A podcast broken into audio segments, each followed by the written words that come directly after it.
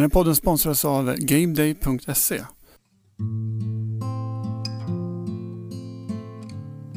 Välkomna tillbaka till ett nytt avsnitt av NFL Supporter Dokumentär. Podden där vi gräver i NFLs arkiv efter saker som är värda en vända till i rampljuset. Dagens avsnitt kom till skott som en följd av ett annat avsnitt som vi gjorde. Nämligen den om fantasyfotboll som publicerades under januari 2020. Där berättar vi om några män i kretsarna kring Oakland Raiders som skapade grunderna till det spel som många spelar världen runt idag. Många av de som deltog i denna första fantasyliga var tämligen unga men kom senare att spela viktiga roller inom framförallt idrotten i USA.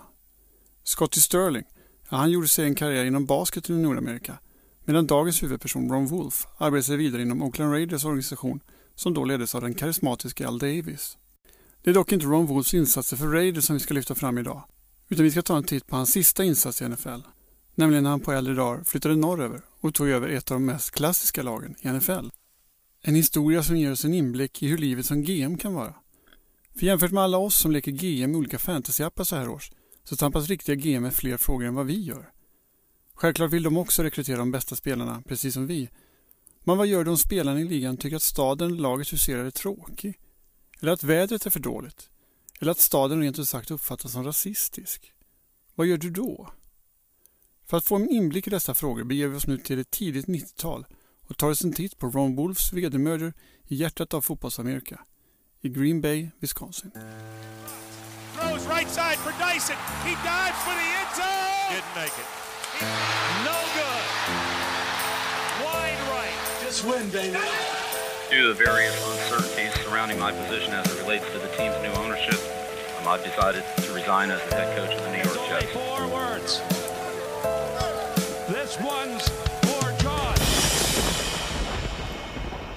Det är svårt att hitta något mer klassiskt lag än Green Bay Packers. Vi pratar om legender som Curly Lambeau och Vince Lombardi och alla framgångar med till exempel tre raka mästerskap på 1960-talet. Någonstans finns det en aura kring klubben av äkthet. För även om klubben är en professionell fotbollsklubb, likt de andra 31, så är de dessutom ägda av sina medlemmar och inte av någon gammal rik miljardär. När Vince Lombardi fick hemlängtan i slutet av 1960-talet och flyttade hem till östkusten så tog en era på sätt och vis slut i Green Bay och laget sjönk långsamt in i en dvala som han inte kom att vakna ur förrän i början av 1990-talet. Idag ska vi titta närmare på vad det var som låg bakom detta uppvaknande och hur klubben tog sig tillbaka till toppen igen. En förvandling som till stor del kan krediteras till en man som Packers tidigare ordförande Bob Harlan betecknade som hela organisationens frälsare. Mannen vi pratar om idag är således Ron Wolf. Vi brukar inte göra regelrätta porträtt här på NFL Supporter Dokumentär men för att sätta upp historien kring Green Bay Packers förvandling så behöver vi trots allt placera ut Ron Wolf på NFLs historiekarta lite. Redan i unga år stod det tämligen klart för Ron Wolf att det var inom fotbollen han ville jobba. För att få lagens uppmärksamhet bombarderade han dem med brev och besökte till och med några av lagen för att visa sitt intresse. Men trots att ligan under 50 och 60-talen expanderade så tycktes det aldrig finnas en plats för den unge Wolf från Pennsylvania. Men Wolfs öppning skulle dock komma till slut, men dock från ett lite udda håll. När Wolf 1962 började plugga på University of Oklahoma fick han upp ögonen för en tidning som heter Pro Football Illustrated, som han började läsa allt flitigare. Och framförallt deras skribent Ted Elbert, som hade en egen krönika i varje utgåva. Wolf började brevväxla lite med denna Albert. Dels som ett led i att utveckla ett resonemang från tidningen, men även för att påpeka rena faktafel som förekommit i texterna. Brevväxlingen ledde sedermera till ett jobb på tidningen och även om Wolf mest sysslade med administrativa sysslor så gav tidningen honom ett utmärkt verktyg för att närma sig NFL. Speciellt eftersom tidningen var stationerad i Chicago. En stad som även var inofficiellt hem för ligan vid den här tidpunkten.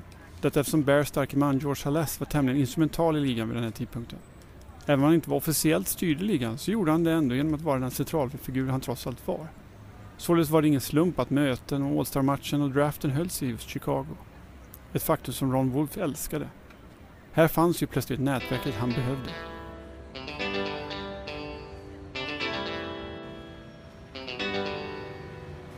Men säg den lycka som varar för evigt. Tidningen gick omkull och Wolf återvände till universitetet utan att lyckas landa sitt drömjobb i NFL.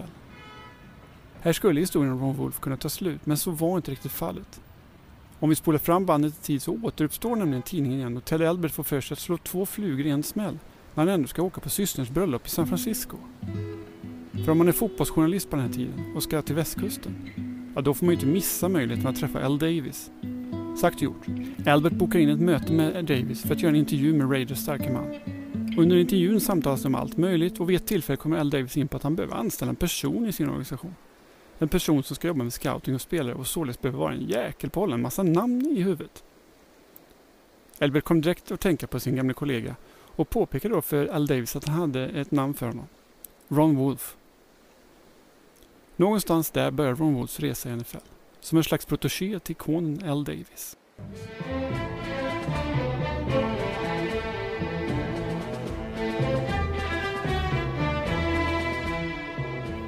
Även om det säkerligen var en dröm som besannades när Wolf anställdes av själva Al Davis så var han fast besluten om att en dag leda ett eget lag i NFL. Med tanke på Davis position så var det inte särdeles troligt att han skulle bocka av denna målsättning inom ramen för sin nuvarande anställning. Efter 12 år i Raiders organisation uppenbarade sig dock till slut en möjlighet när ligan skulle expandera till 28 lag. Ett av de nya lagen som introducerades till fotbollsamerika var då Tampa Bay Buccaneers, som naturligtvis behövde anställa en helt ny organisation. Valet av coach föll på John McKay och som ansvarig för personalfrågor med mera, det vill säga typ GM, anställde han just Ron Wolf. Livet i Tampa blev dock inte riktigt vad Wolf hade tänkt sig. Laget var uselt och ofta slogs han och McKay om ägarens gunst och inte sällan ställde sig ägaren på coachens sida. Vilket gjorde att Wolfs roll underminerades rejält och förhandlade honom till en slags administratör.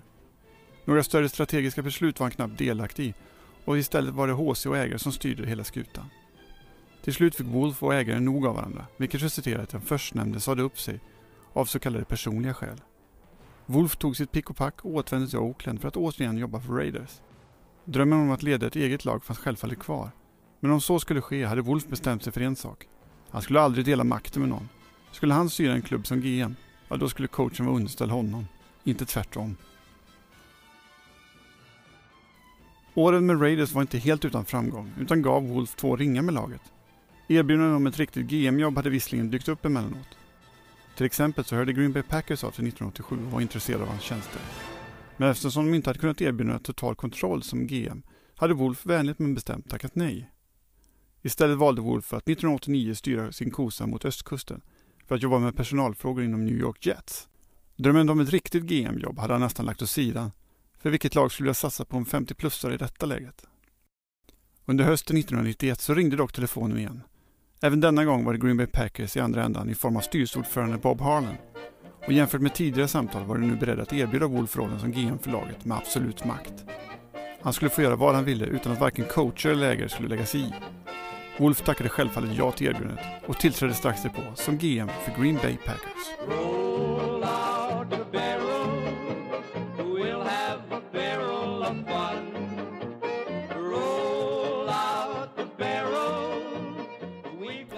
Ron Wolf anlände till klubben under sluttampen av 1991 års säsong. Laget var till synes ohjälpligt usla och kom att gå 4-12 under den här säsongen. Vilket för övrigt var 19 gången på de senaste 24 åren sedan Lombardis sista titel som laget hade en segerratio på under 0,50. Publiksnittet var bland de sämre i ligan och om du inte råkar befinna dig i just Green Bay, Wisconsin så var det mer eller mindre omöjligt att hitta en Packers-tröja eller keps om du var ett långväga fan. Packers som varumärke, det existerade knappt utanför arenaområdet. Trots denna miserabla situation så var det inte historikens ödesmättade siffror som skakade Wolf mest utan den totala likgiltigheten som präglar organisationen. Dagen efter en förlust kom alla till jobbet som vanligt och ingen verkade särdeles nedstämd för gårdagens debacle. Att laget förlorade var liksom en del av livet och alla var tämligen glada att de kunde jobba för ett NFL-lag i alla fall. Framgången var något sekundärt som inte hörde till Packers natur längre. Eftersom Wolf kom in i slutet av rådande säsong så spenderade han sin första tid med att insupa atmosfären och försöka skaffa sig en uppfattning om klubben. Det första oundvikliga draget var dock tämligen uppenbart. Coach Lindy Infante behövde tyvärr sparkas.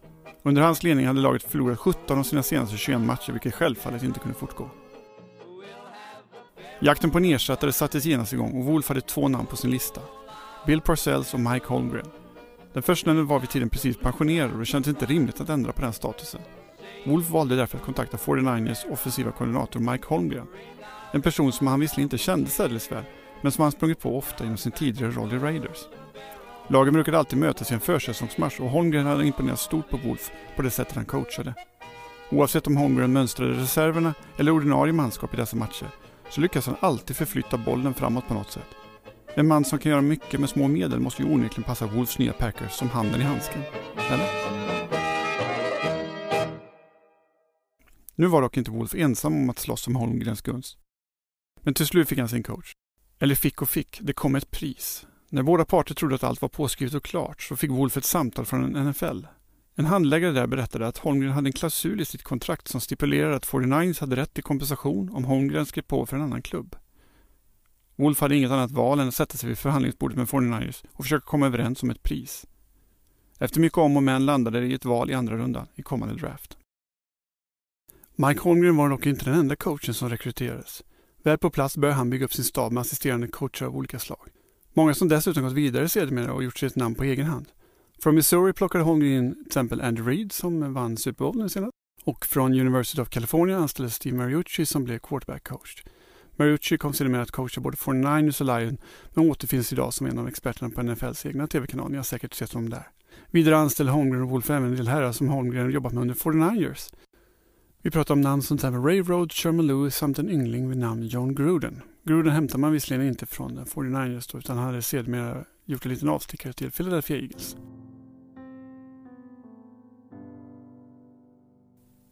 Med alla coacherna på plats var det då dags att lösa quarterback-frågan. Packers leddes vid Wolves ankomst av en lokal hjälte vid namn Don Majkowski. En då 27-årig herre från Buffalo med smeknamnet The Magic Man. Gärna då med stavningen M-A-J-I-K på Magic. Även om namnet lät lite coolt var kruxet med denna herre att skadorna avlöst varandra på löpande band samt att det inte var särdeles mycket Magic kvar i herren, om vi säger så. Problemet för Wolf var att Majkovskij var tämligen populär i de interna leden. Wolfs tankar om att byta ut Majkovskij blev inte populär när han dessutom berättade om att han redan hade scoutat ut en ersättare. En ung kille från Southern Mississippi som just nu tjänade som Falcons tredje QB. Packers före detta styrelseordförande Bob Harlan har beskrivit det hela som att Ron Wolf gled in på hans kontor imorgon och ställde ner sin väska på skrivbordet och meddelade jag kommer åka till Atlanta för att titta på deras backup-QB. Om hans arm är lika bra som jag minns den så kommer jag byta till med honom. Precis som valet av coach var Wolves val av potentiell QB mycket genomtänkt. Som gammal scout hade han som sagt listor på precis allt och man skulle säkert kunna väcka honom mitt i natten för att få reda på vilken den bästa tillgängliga cornerbacken just nu är. När det gällde quarterbacks vid den här tidpunkten så stod det som sagt ett namn överst på listan. Brett Favre. Under Favres collegeår hade Wolf många gånger styrt kosan till Harrisburg, Mississippi för att titta på honom. Han var kanske inte den bästa QB Wolf hade sett under sina dagar, men han var på något sätt en oslipad diamant. Killen hade en stark arm, men framförallt hade han en förmåga att få med sig sina lagkamrater och vända matcher. Under Wolves tid i Jets hade han försökt att drafta Favre, men tyvärr hade han fått se Atlanta Falcons drafta honom precis framför ögonen på honom. Snöpligt, men så kan draften vara ibland. Wolf hade dock inte glömt bort killen utan var mycket väl medveten om att han numera var lätt bortglömd på Falcons bänk. Och om inte Falcons plötsligt ändrat uppfattning borde det gå att ordna en affär. Precis som Ron Wolf misstänkte var Falcons öppna för en affär och även om de ville ha ett val i första rundan för Favre så tvekade inte Wolf utan genomförde affären direkt. Valet av coach och framtida QB hade nu kostat honom ett val i första rundan och ett val i andra rundan. Men det var det lätt värt för två så fundamentala byggstenar i bygget av de nya Packers.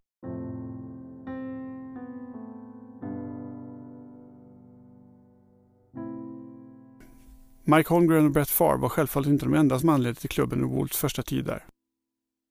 Nix, runt en 40-50 spelartransaktioner om året gjordes under denna tidpunkt och Wolf har efteråt tackat sin lyckliga stjärna för att Holmgren inte bara gav upp och stack därifrån.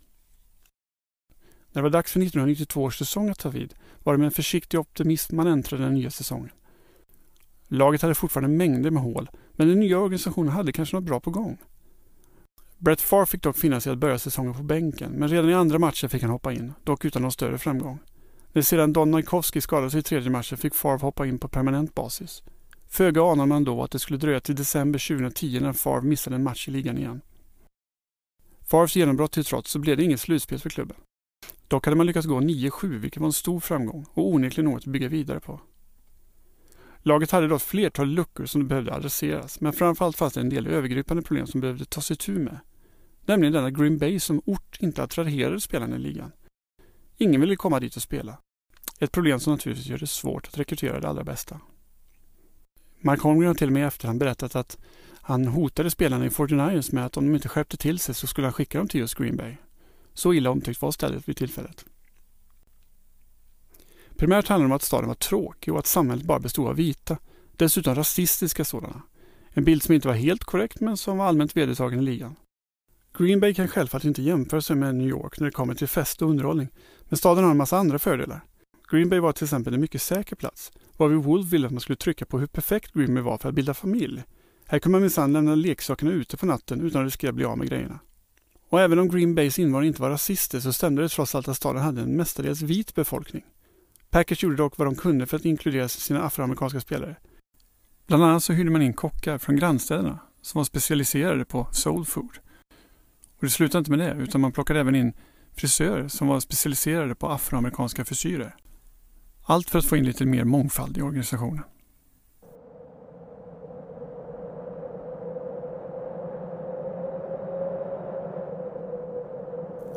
Sen var det då det här med vädret. Vädret i Green Bay är vad det är och det är oerhört svårt att komma runt denna aspekt. Det kan bli jäkligt kallt där uppe. Även här valde dock Wolf en omfamnande inställning till det hela. Vädret skulle vara Packers fördel. I Green Bay spelade bara de allra tuffaste spelarna och inget lag skulle se fram emot att komma till Green Bay och spela i snöovädret. Målet med budskapet som kablades ut till resten av ligan var enkelt. Packers skulle ha den allra största hemmaplansfördelen av alla. Budskapet om det familjära och inkluderande Green Bay, där bara de tuffaste spelarna kom för att spela, kablades ut via spelarna, agenter, media, ja alla som kom i kontakt med Packers organisation fick höra detta. Allt för att locka till sig spelare och skrämma bort kommande motståndare. Utöver bilden av Green Bay och dess väderlek fanns det en annan sak som jäckade Wolf. Bristen på ledarskap, bristen på vinnare. Han hade visserligen försökt att få igång en sådan kultur genom att till varje hemmamatch utse en hederskapten. Denne var då någon gammal spelare som var med när Packers senast var i ropet.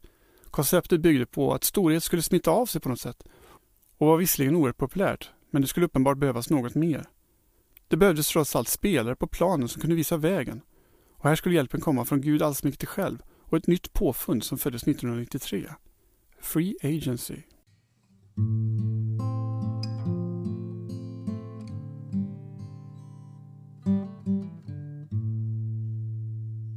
Ägarna i NFL hade länge slagits för att få ett lönetak i ligan. Spelarna hade självfallet kämpat emot men gav till sist vika genom att få in ett nytt reglemente som främjade rörligheten i ligan. När kontraktet var slut var man fri att röra på sig och ägarna kunde bara skydda en enda spelare från att lämna staden. Jämfört med tidigare 37 spelare var detta självfallet en smärre revolution. Framförallt för en klubb under återuppbyggnad som Green Bay Packers. Wolf annonserade tidigt för sin organisation att Packers minsann skulle vara aggressiva i sitt förhållningssätt till Free Agency. Här fanns mycket att vinna. Framförallt hade man satt sina ögon på den största av dem alla, Philadelphia Eagles försvarshjälte Reggie White som nu äntrade marknaden.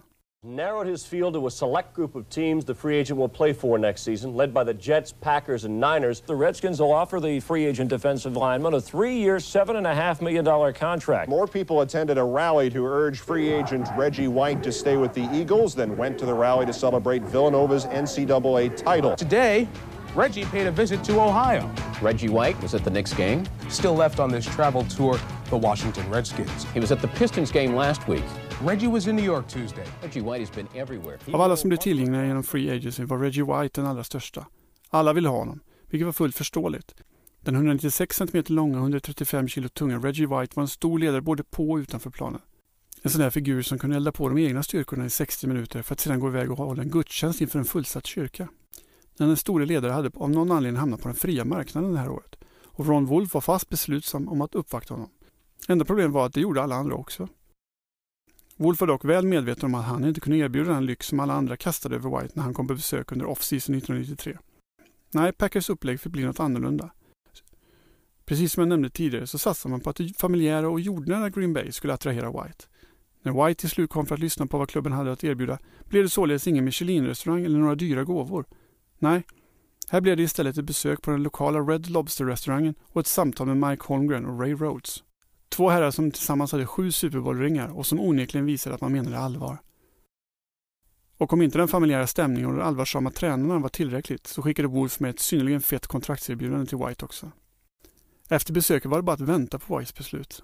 Ron Wolf gjorde vad han kunde och skickade dagligen röda rosor till Whites fru. Med Packers som avsändare får vi hoppas så det inte blir något fel i budskapet där. Mike Holmgren var dock finurligare än så. En dag när han satt och såg på TV hörde han White få fråga om när han skulle bestämma sig för vilken klubb han skulle gå till. White hade då svarat att han skulle spela det Gud ville att han skulle spela. Mike Holmgren plockade då upp telefonen och ringde White och talade in på dennes telefonsvarare. Tjena, det är Gud här. Du ska spela för Green Bay. Att skämta om någons religion sådär är självfallet ett våghalsigt spel att spela. Men den här gången gick det bra, för några dagar senare meddelade Reggie White att han under de kommande åren skulle spela fotboll för Green Bay Packers.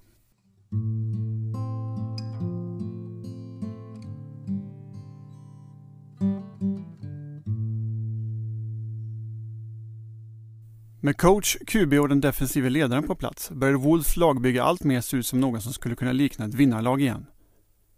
1993 års säsong slutade dock med en tredjeplats i divisionen, men som trots allt räckte för slutspel då laget gått 9-7. Man tog sig där vidare från wildcard-rundan efter en seger mot Detroit, men fick sedan se sig besegrad av Dallas. Ett Dallas som var ett mindre imperium under den här perioden och även kom att vinna Super Bowl efter en seger mot Bills det här året. Som en kul kuriosa kan vi säga att 1993 var första gången Lambo Leap exekverades på Lambo Field. Vince Evans var mannen som stod för det berömda hoppet ut i publiken. För er som är nogräknade ska det sägas att det egentliga första publikhoppet hade genomförts redan veckan innan, men då var spelplatsen Milwaukee County Stadium. Men det är en annan historia. Även om 1993 års säsong var en framgång på sätt och vis, så var det ytterst påtagligt att Dallas Cowboys var nummer för stora för Packers. Man var ännu inget mästarlag, men skam den som ger sig. Det var dock tydligt för konkurrenterna att Packers hade något på gång. En ung lovande QB som precis etablerat sig på den stora scenen och en tung ledare av försvaret i form av Reggie White sände onekligen signaler. Att White dessutom genom sitt val av klubb signalerade att Green Bay var ett alternativ att spela för, oavsett hudfärg, började också slå igenom i fotbollsamerika. Något som kom att märkas i rekrytering under de följande åren, då flera svarta stjärnor anlände till klubben. Bland annat namn som defensive end Sean Jones, defensive tackle Santana Dotson och returspecialisten Desmond Howard. Bilden av Green Bay Packers hade helt enkelt förändrats på så många plan. När Packers ledning ringde runt bland spelare och agenter var det plötsligt ett helt annat ljud i skällan. En medvind som naturligtvis underlättade när det var dags att rekrytera nya spelare till klubben.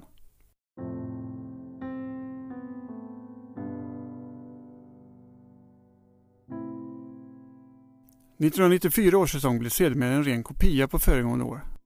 9-7 och slutspel. Där mötte man som vanligt Detroit följt av Dallas. Utgången blev precis som för året innan.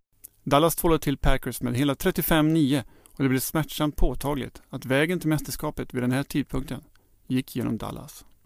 1995 vann man sedermera NFC Central, som divisionen hette på den här tiden. Denna gången slapp man Dallas i divisionsrundan, men när det var dags för NFC Championship Game så stod ändå de där förbenade cowboysen på andra sidan planen. Och återigen fick man se sig snuvade på avancemang. Säsongen var dock en stor framgång, framförallt för Brett Favre som valdes till ligans MVP. Men säg dock den lycka som varar för evigt. Efter säsongen fick man reda på att en nackskada som deras stjärnreceiver Sterling Sharp ådrog sig, ja den var så pass allvarlig att läkarna blev tvungna att avråda honom från all fortsatt spel. Han fick helt enkelt avsluta karriären. En oerhörd tragedi på alla sätt och vis, framförallt för en spelare som var bland de bästa på sin position, endast överskuggad av dåtidens gigant Jerry Rice. Så vad gör man i det här läget? En superstjärna och en grundbult i laget rycks bort helt plötsligt. Ron Wolf var naturligtvis förtvivlad över det som skett, men samtidigt är olyckor och motgångar oundvikliga i den här branschen. Dessutom var han fast övertygad om att hans organisation skulle kunna hantera motgången. Begreppet Next Man Up är en vanlig använd klyscha i amerikansk sport, som självfallet är bra i teorin, men som är svår att genomföra i praktiken. Men om det är något som kännetecknar Wolfs lagbyggen var att han alltid visste vem denne näste man var. Det stod ju klart och tydligt i alla hans listor. Och i det här specifika fallet var han övertygad om att lagets rookie, Antonio Freeman, hade vad som krävdes för att fylla Sterling Sharps skor relativt väl. Ja, det riktigt stora problemet, ja det fanns snarare en bit bort i Texas. För 7-17 skulle man klå de där jäkla cowboysen.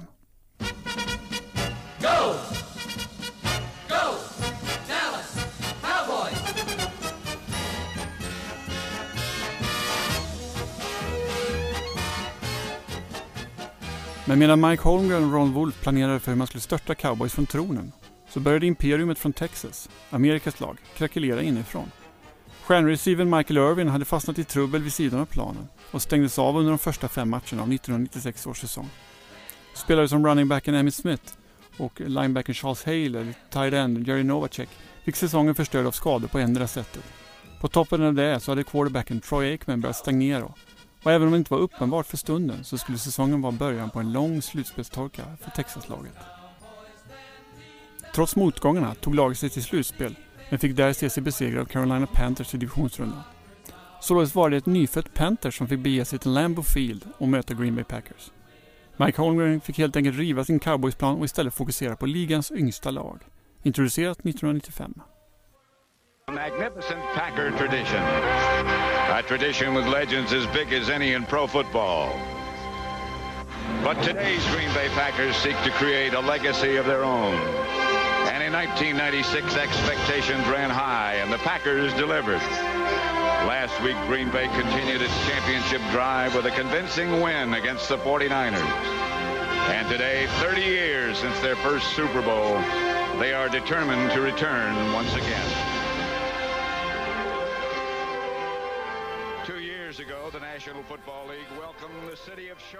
Det hade troligtvis kvittat vilket lag som NFC hade skickat till Lambeau Field detta år. För detta var onekligen Packers år.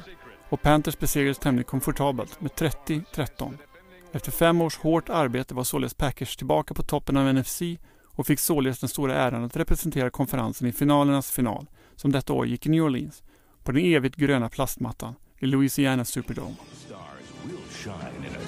Showcase called Fox Super Sunday.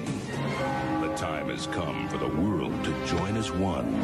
It's a tale of two titans who will battle for just one title and the single right to reign as world champions in football's fabled final frontier. United people stand across all lands in awe of these global giants of the gridiron. The Packers believe and have history by their side. But these patriots possess powerful pride. Together they salute På andra sidan stod ett annat lag som också var under uppvaknande. New England Patriots. Jämfört med Packers hade deras frälsare ännu inte anlänt utan laget anfördes då utav Drew Bledsoe. Här fanns även framtida Hall of Fame-killar som Ty Lowe och Curtis Martin. Matchen blev en publikvänlig historia med full fart från första avspark och hela 24 poäng i första kvarten. I andra gick dock Packers ifrån med 17 raka poäng. Bland annat tack vare en touchdown av tidigare nämnda Antonio Freeman som oerhört väl hade axlat Sterling Sharps roll under året. Patriots hopp tändes till viss del i tredje kvarten när de gjorde en touchdown. Dock grusades deras drömmar omgående på efterföljande avspark. Förresten utförd av en ung kicker vid namn Adam Vinatieri som kom att ha bättre dagar i Super Bowl några år senare. Denna gång bar det sig inte bättre när Desmond Howard returnerade bollen 99 yards för en touchdown och fastställde slutsiffrorna till 35-21. Desmond Howard valdes sedermera till matchens MVP med sina 244 return yards och blev därmed den första special team-spelare som någonsin fått priset. I sammanhanget ska det nämnas att Howards insats inte direkt var någon engångshändelse. Killen stod för 1335 return yards under den här säsongen, vilket får anses som helt okej. Vad gäller statistik och utmärkelse var föga förvånande detta ett monsterår för Packers. Favre utsågs till årets MVP och ett annat exempel på Packers styrka var att de sedan lönetaket infördes är det enda lag som både gjort flest poäng och släppt till minst poäng under en säsong.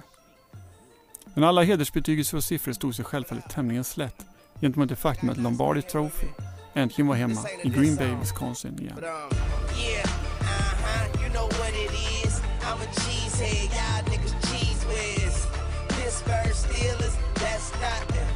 Super Bowl ring, that's nothing. Pull up in your town see me, you know everything. Green and yellow, green and yellow, green and yellow, green and yellow. I put it down, representing for my team. I'm in green and yellow, green and yellow, green and yellow, green and yellow. Det tog som sagt Ron Wolf fem år att föra en organisation från botten av NFL till mästerskapstiteln. Ett hårt arbete som förändrade varenda del av Packers. Allt från uppenbara saker som att kontraktera de bästa spelarna till mer diffusa som att öka staden och lagets attraktionskraft. Vidare skapade man även en vinnande organisation där alla var redo att kliva fram när det behövdes. En klyschig men ack så viktig aspekt i den här sporten där ingenting varar för evigt. Det måste således alltid finnas en plan för vad vi gör när, inte om, olyckan är framme. I arbetet med den här podden sprang vi på ett exempel där en stjärnspelare skadade sig tidigt i årets första match. Läkarna insåg direkt att det rörde sig om en allvarlig skada och kommunicerade detta till Wolf, som direkt satte staben i arbete. Spelare sågs över, löneutrymme kalkylerades och när en timme senare var paus i matchen fick således Mike Holmgren inte bara en skaderapport på sin stjärna, utan en full plan som han kunde tycka till om. Där ingick vilka spelare som skulle sparkas, hur stort löneutrymme som kunde frigöras, vilka som kunde lyftas upp från practice squad samt vilka rimliga alternativ som fanns på marknaden. Redan i paus kunde man således ta ett beslut på hur vägen framåt skulle se ut. Det är självfallet inte så att det finns en klon av din stjärnspelare som väntar i korridoren. Men när olyckan väl är framme, då gäller det att vara förberedd och ha en plan. Begreppet Next Man Up är således inte bara ett state of mind bland spelare utan kräver att det finns en plan. För allt. Oavsett vad som händer. Mycket av det jag nyss nämnde är tämligen självklara saker. Men någonstans ska det också exekveras och det var där Ron Wolf var bättre än så många andra.